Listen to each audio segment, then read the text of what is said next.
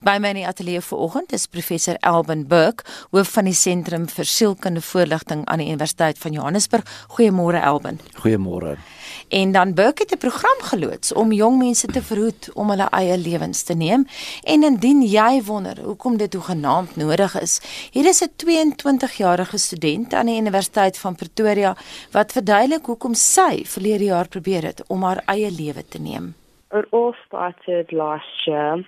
In the beginning of the year where I just went through this phase of I wasn't happy, I wasn't motivated in terms of like going to class and studying for tests and I couldn't understand why. Like nothing was necessarily wrong in my life, everything was okay. And then my friends suggested that I go see a psychologist just to see what's happening. And I did, and she eventually diagnosed me with depression and they put me on medication. And from there, I thought it was going to get better, but somehow the medication that I was on just wasn't working. And it just happened on one night where I went out, I had a few drinks with my friends, and then I came back to my room at the residence I was staying, and I just wasn't feeling okay. I was just very down and I couldn't understand why.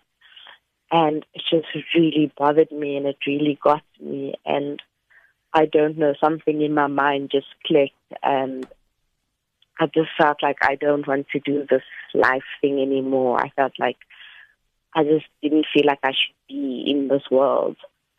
And so I took the rest of my antidepressants that I have left and I just drank all of it. And it was around 50 or so tablets that I took. And luckily, one of the side effects of my antidepressants was nausea. So with the intake of all of that, my body reacted and I just ended up throwing up. So that happened and then one of my friends came to check on me and I basically just spent the next day just sleeping just so that like my body could recover. And yeah from then my i went back to my psychologist told her about the incident and then she changed my medication to something a bit stronger. And yeah everything seemed okay but then unfortunately i also got into a very bad habit of cutting myself it's also something that I don't know where it came from, but that's what I started doing when I was feeling frustrated or feeling angry and I didn't know where these emotions are coming from and I didn't know how to deal with them. So what I resorted to was cutting my wrists and that was a form of relief and kind of how I let go of all the anger and the frustration. Luckily it never got too bad to the extent where I wanted to kill myself by cutting my wrist, but it did become a huge problem last year and this year again I started and that's when it got really bad. I was also admitted into Vista Clinic last year because of all the things that was going on. And after that, everything was fine. The rest of the year was good. I wasn't in such a dark space. But then something happened like towards May this year where I again just went through this really dark space and I wasn't motivated to do my work, to hand in assignments. I was sleeping like the whole day, never left my room. So it also got pretty bad and then there was an incident where I cut myself quite deep and then I sent my cousins like an alarming message of basically almost like a suicide message. And then they rushed over to my place, came to pick me up, took them home, or I went home with them. And yeah. And I thought, okay, this is going to be fine. I'm with my family. It's going to be better. But the one night we got into an argument. And I'm diabetic, so I take insulin every day before I eat and my cousin and I were just fighting and talking and I got so mad that I literally took my insulin out and I just injected myself with a lot of it. and then they had to call the ambulance. I ended up in ICU for a night. And yeah, that was what happened. And those were my two suicide attempts. And it was pretty scary. In the moment, it felt right, but looking back at it, it's like, wow, I can't believe I actually done that. Ja, dit dan uh, die stem van 'n 22-jarige student aan Tikkies wat probeer het om haar eie lewe te neem. Ons praat ver oggend met professor uh, professor Elvin Burke van die Universiteit van Johannesburg. Daar's duidelik 'n nodigheid vir 'n program om studente te help. Dis korrek ja. Ehm um, as ons gaan kyk na die ouderdomsgroep 15 tot 24. Dit is jou hoë risiko vir selfmoord. Ehm um, en uit die aard van die saak is jy studente in daai ouderdomsgroep en daar's daar's meervoudige faktore wat bydra daartoe dat mens uh, 'n uh, poging sal aanwend om jou eie lewe te neem. Ehm um, as jy net na hierdie storie luister is daar is daar vir my drie definitiewe komponente. Die die eerste ene is die depressie. Mense kan baie duidelik hoor daar daar uh, simptome van depressie is, van major depressie is. Mense hoor dit in haar stemtoon ook en haar gedrag. Ehm um, die tweede ene waarna ek wil verwys is die is die selfbesering. Ehm um, in die nuwe DSM-5 is daar 'n kategorie wat hulle noem die non-suicidal injury behavior. Dis waar mense hulle self sou sny of beseer of wat ook al, maar nie noodwendig die intensie het om selfmoord te pleeg nie. En dan is daar 'n derde komponent hierso as mense luister na die tweede selfmoordpoging, die woede. Ehm um, dat mense baie keer uit frustrasie of woede 'n poging sou aanwend. So dis net drie komponente wat in haar storie uitkom. Nou wanneer mens gaan kyk na selfmoord is baie komplekse uh verskynsel. En ons moet nie gaan kyk na selfmoord as 'n as 'n verstoring op sigself nie. Selfmoord is amper 'n manier om jou lewenssituasie te hanteer. en om net op die selfmoord te fokus, gaan nie noodwendig die selfmoordpogings of wat ek al verminder nie. Daar's verskeie goed. So hoekom hoekom 15 tot 24? En hoekom dan spesifiek onder studente? 15 tot 24 is 'n moeilike tyd in 'n mens se lewe. Jy's besig om jouself te vind, jy's uh, besig met jou identiteit. Ehm uh, jy's jy sukkel met verhoudingsprobleme. Ehm uh, dan is daar nog natuurlik die die ekstra ehm uh, stres van van studies en al die tipe goed. So daar's baie wat in die mense lewe gebeur op daai stadium. So jy's nog besig om jouself te vind, jy's jy's jou besig om jou eie sterkpunte en jou eie swakpunte te probeer identifiseer en dan jy nog al hierdie ander poging uh, al die ander goed bykom. Aber net baie kortliks, ek wil jou net vra oor julle program. Wat gaan julle doen? Ons moet later ook met Dr. Ryke Liebenberg ja, praat. Daar's by by die universiteit ons soos ek dit noem drie fases. Die een is die voorkomingsgedeelte. Ehm um, in verskillende Engels is die primary intervention. So maak mense bewus van wat aangaan. Ehm um, hou jou vriende dop, die tipe goed. So daar's daar's soort van 'n 'n bewusmakingsproses. En hoe doen julle dit op sosiale media? Op verskeie vlakke. Ehm um, ons het uit die aard van die saak uh, probeer ons uh, oralste plakate opsit om mense bewus daarvan te maak sosiale media, Facebook, Twitter, al die tipe goed uh, gebruik ons. Ehm um, En dan fase 2? Fase 2 is 1 tot 1 uh voorligting. Uh waar studente kan instap en dan 'n sielkundige gaan sien. Ehm um, by Universiteit van Johannesburg het ons 'n uh, 'n inloopdiens. So jy hoef nie afspraak te maak of wat ook al nie. Jy kan jy kan enige tyd inkom. Ons het ook 'n 24 uur krisislyn uh sewe dae van die week wat mense kan inbel as hulle net bietjie afvoel. En dan die die derde fase is die hospitaliseringsfase waarna sy ook verwys het. Ehm um, so as dit ernstig raak, moet ons moet ons hospitaliseer. Ja, ons praat ver oggend ook met 'n psigiater in privaat praktyk, Dr. Rykie Liebenberg. Sy gaan nou telefonies by ons aansluit. Goeiemôre. Goeiemôre. Baie welkom by Monitor.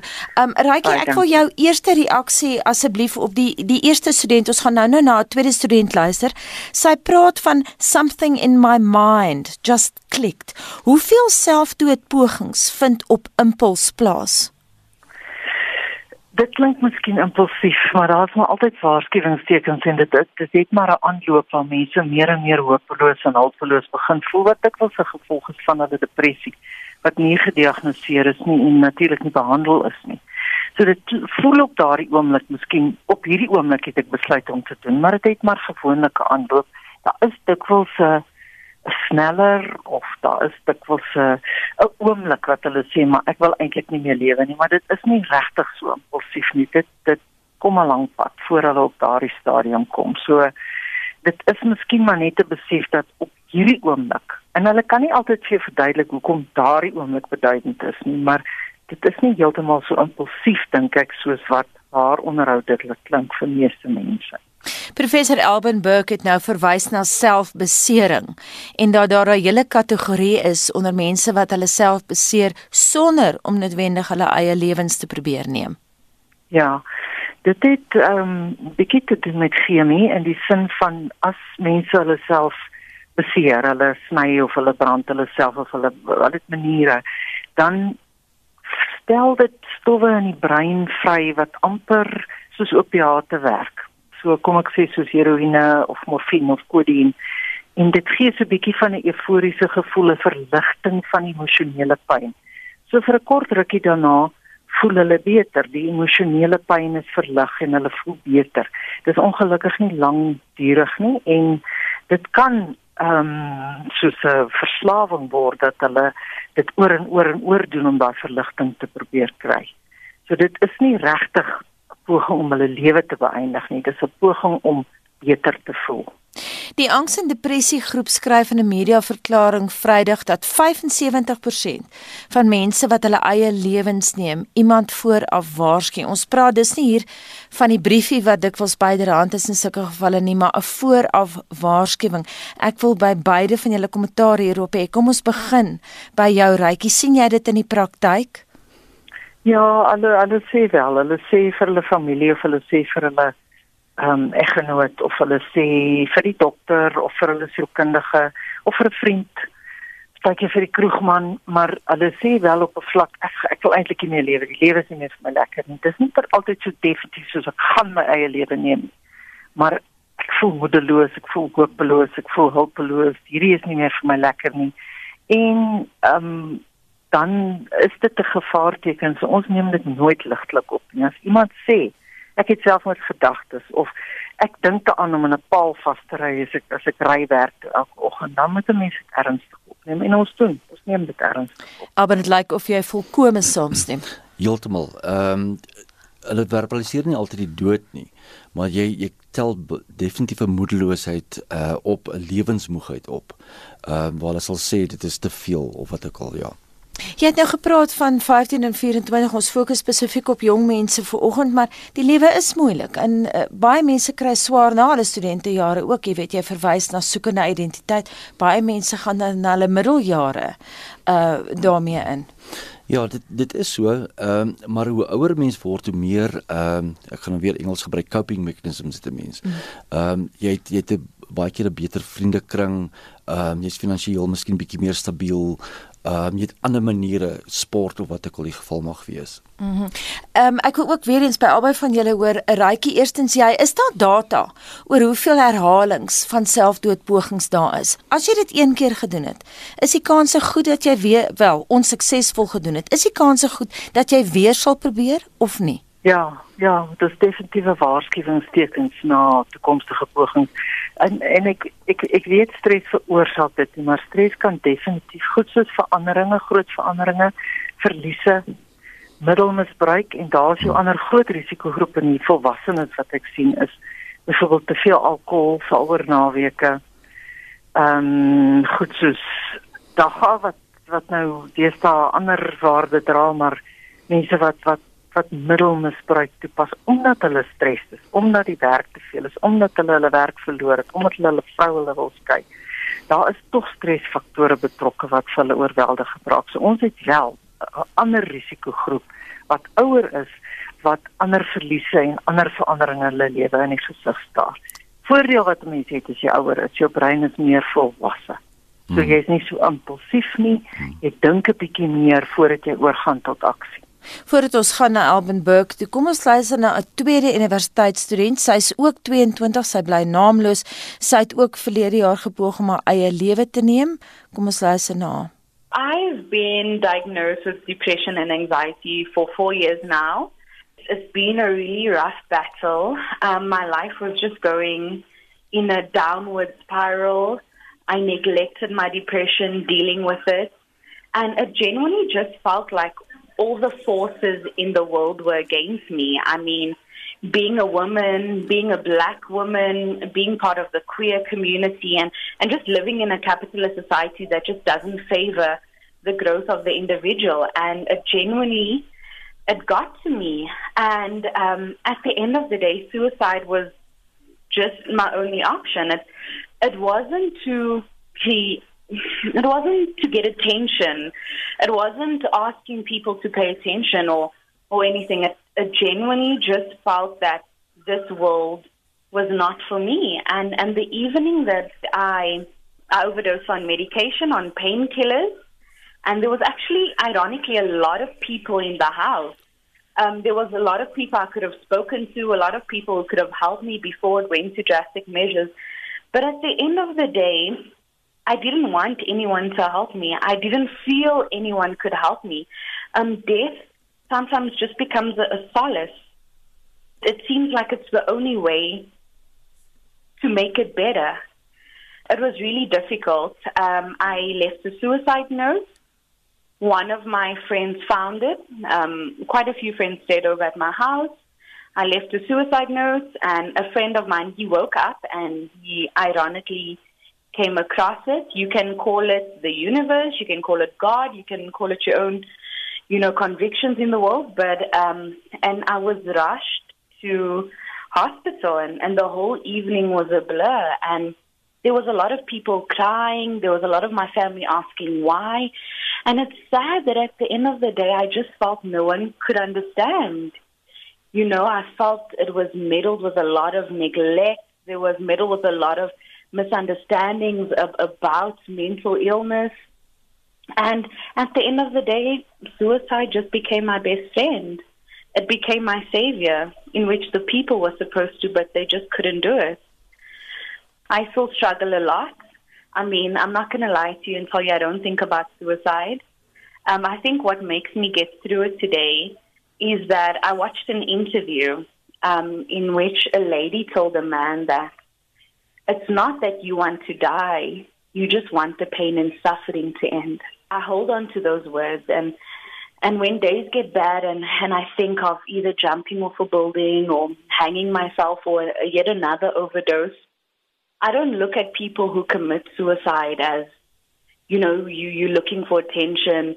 I think that a lot of religious convictions and historical cultural norms has shaped suicide as, as the devil. I mean, God says we're going to hell if we commit suicide. I just find it that suicide are people's only answer because we're living in a society where we stigmatize, you know, mental health.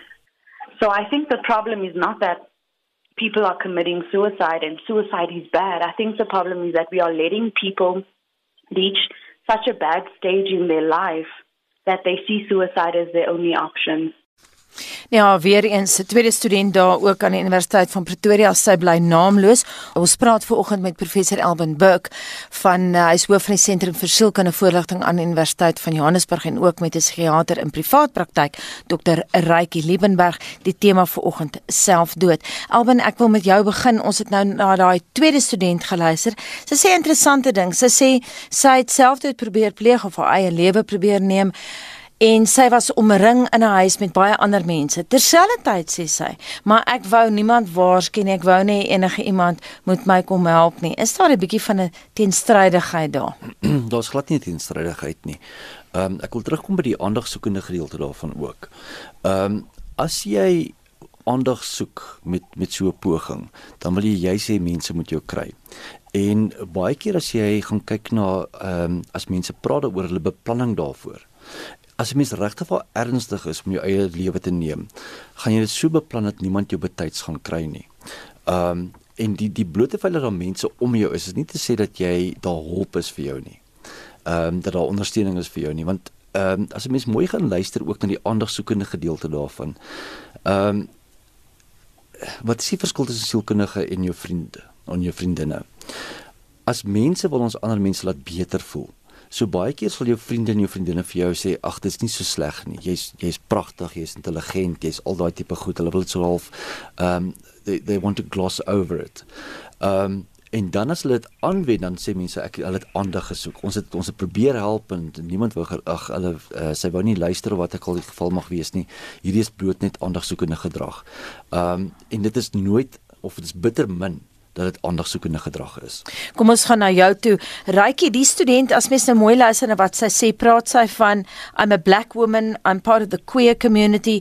Daar blyk 'n gevoel van marginalisering te wees of hoe? Ja, maar ek moet vir jou ook sê mense wat depressief is, voel alleen. Mm. Hulle voel bitter alleen al is hulle in die middel van 'n gemeenskap of van baie mense. Hulle voel in elk geval eensaam en alleen en voel dat niemand werklik empatie het met hulle. Nie simpatie nie, maar net kan verstaan waar staan hulle in hulle lewens en as jy mense depressie kan behandel met die nodige terapie en met die nodige medikasie, dan voel daardie gevoel van isolasie word beter. Maar ja, kyk geestesgesondheid is in elk geval die stiefkind van van medisyne en van die samelewing. Mense het simpatie met enige ander siekte. Jy kan kanker hê, jy kan HIV, jy kan jou been breek en almal dink ag, fooi tog kom ons help. Iemand sê ek voel nie geestelik gesond nie. My gemoedstoestand is depressief of my emosionele regulasie word geaffekteer daarvoor. Het mense eintlik nie regtig 'n konsep van van hoe mense voel nie. So hulle voel dit was eensaam en eenkant toe gestoot deur die gemeenskap en nie ondersteun nie. Maar dit is definitief ook 'n gevoel wat mense met depressie tamelik diep lê by hulle, daai eensaamheid al is hulle in die middel van ander. Rykie, ek wil hê jy moet as 'n psigiater praktiese raad vir luisteraars gee wat dalk nie self aan depressie ly nie, maar wat dit nie verstaan nie en dalk nie die nodige empatie daarmee het nie. Wat sou jy sê vir hulle vanoggend? Ek sou sê as jy iemand het wat vir jou sulke stellings maak wat jy enigstens dink hier's 'n probleem, neem dit ernstig op. Braai hulle aan om professionele hulp te kry. Wat hulle nou by Universiteit van Johannesburg doen, dink ek is is wonderlik dat daar wel inisiatiewe is en die depressiegroep wat wel inisiatiewe het om mense te help. Maar gaan soek professionele hulp as jy medikasie en terapie nodig het, gaan kry en help die mense om daarby uit te kom sodat dit nie stigma het sê maar in die familie of in 'n vriendskapskring. Ag nee wat kom maar net reg, trek jouself reg. Hmm. Hulle moet gaan hulp kry en hulle moet voel dat daar empatie en verstaan is van hulle is. Maar jouself as vriend kan maar net luister om te verstaan. Jy kan dit nie regtig fix nie. Alban sê vir my by 'n universiteit byvoorbeeld of in 'n koshuis, kry jy copycat selfmoorde? Ja. vir een of ander rede is dit amper aansteeklik. Jy kry baie keer waar mense baie naby mekaar lewe, ehm um, dat as jy een poging het dan is dit asof ander mense ehm um, dit jy dit noem copycat. Ehm um, dit dis amper as dit dit is die manier waarop ons hierdie situasie gaan hanteer en ehm um, ja. Rykie, ek wil net nog 'n laaste vraag dalk vir jou vra, praktiese vraag. Ons het al met ons SMS terugvoer gesien dat ons luisteraars het wat aan ernstige depressie ly. Het jy praktiese raad vir hulle? vir luisteraars wat vanoggend sê ek wil nie meer voortgaan. Ek wil nie eers die einde van hierdie dag sien nie.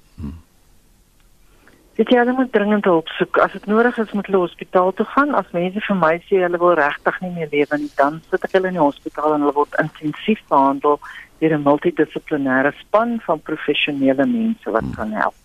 En laas is se hulp beskikbaar gaan kry dit. Elben, laaste woord aan jou oor hierdie onderwerp. Ja, ek net ek wil net ehm um, voortgaan op wat wat ehm um, die dokter nou gesê het, dit is multidissiplinêr.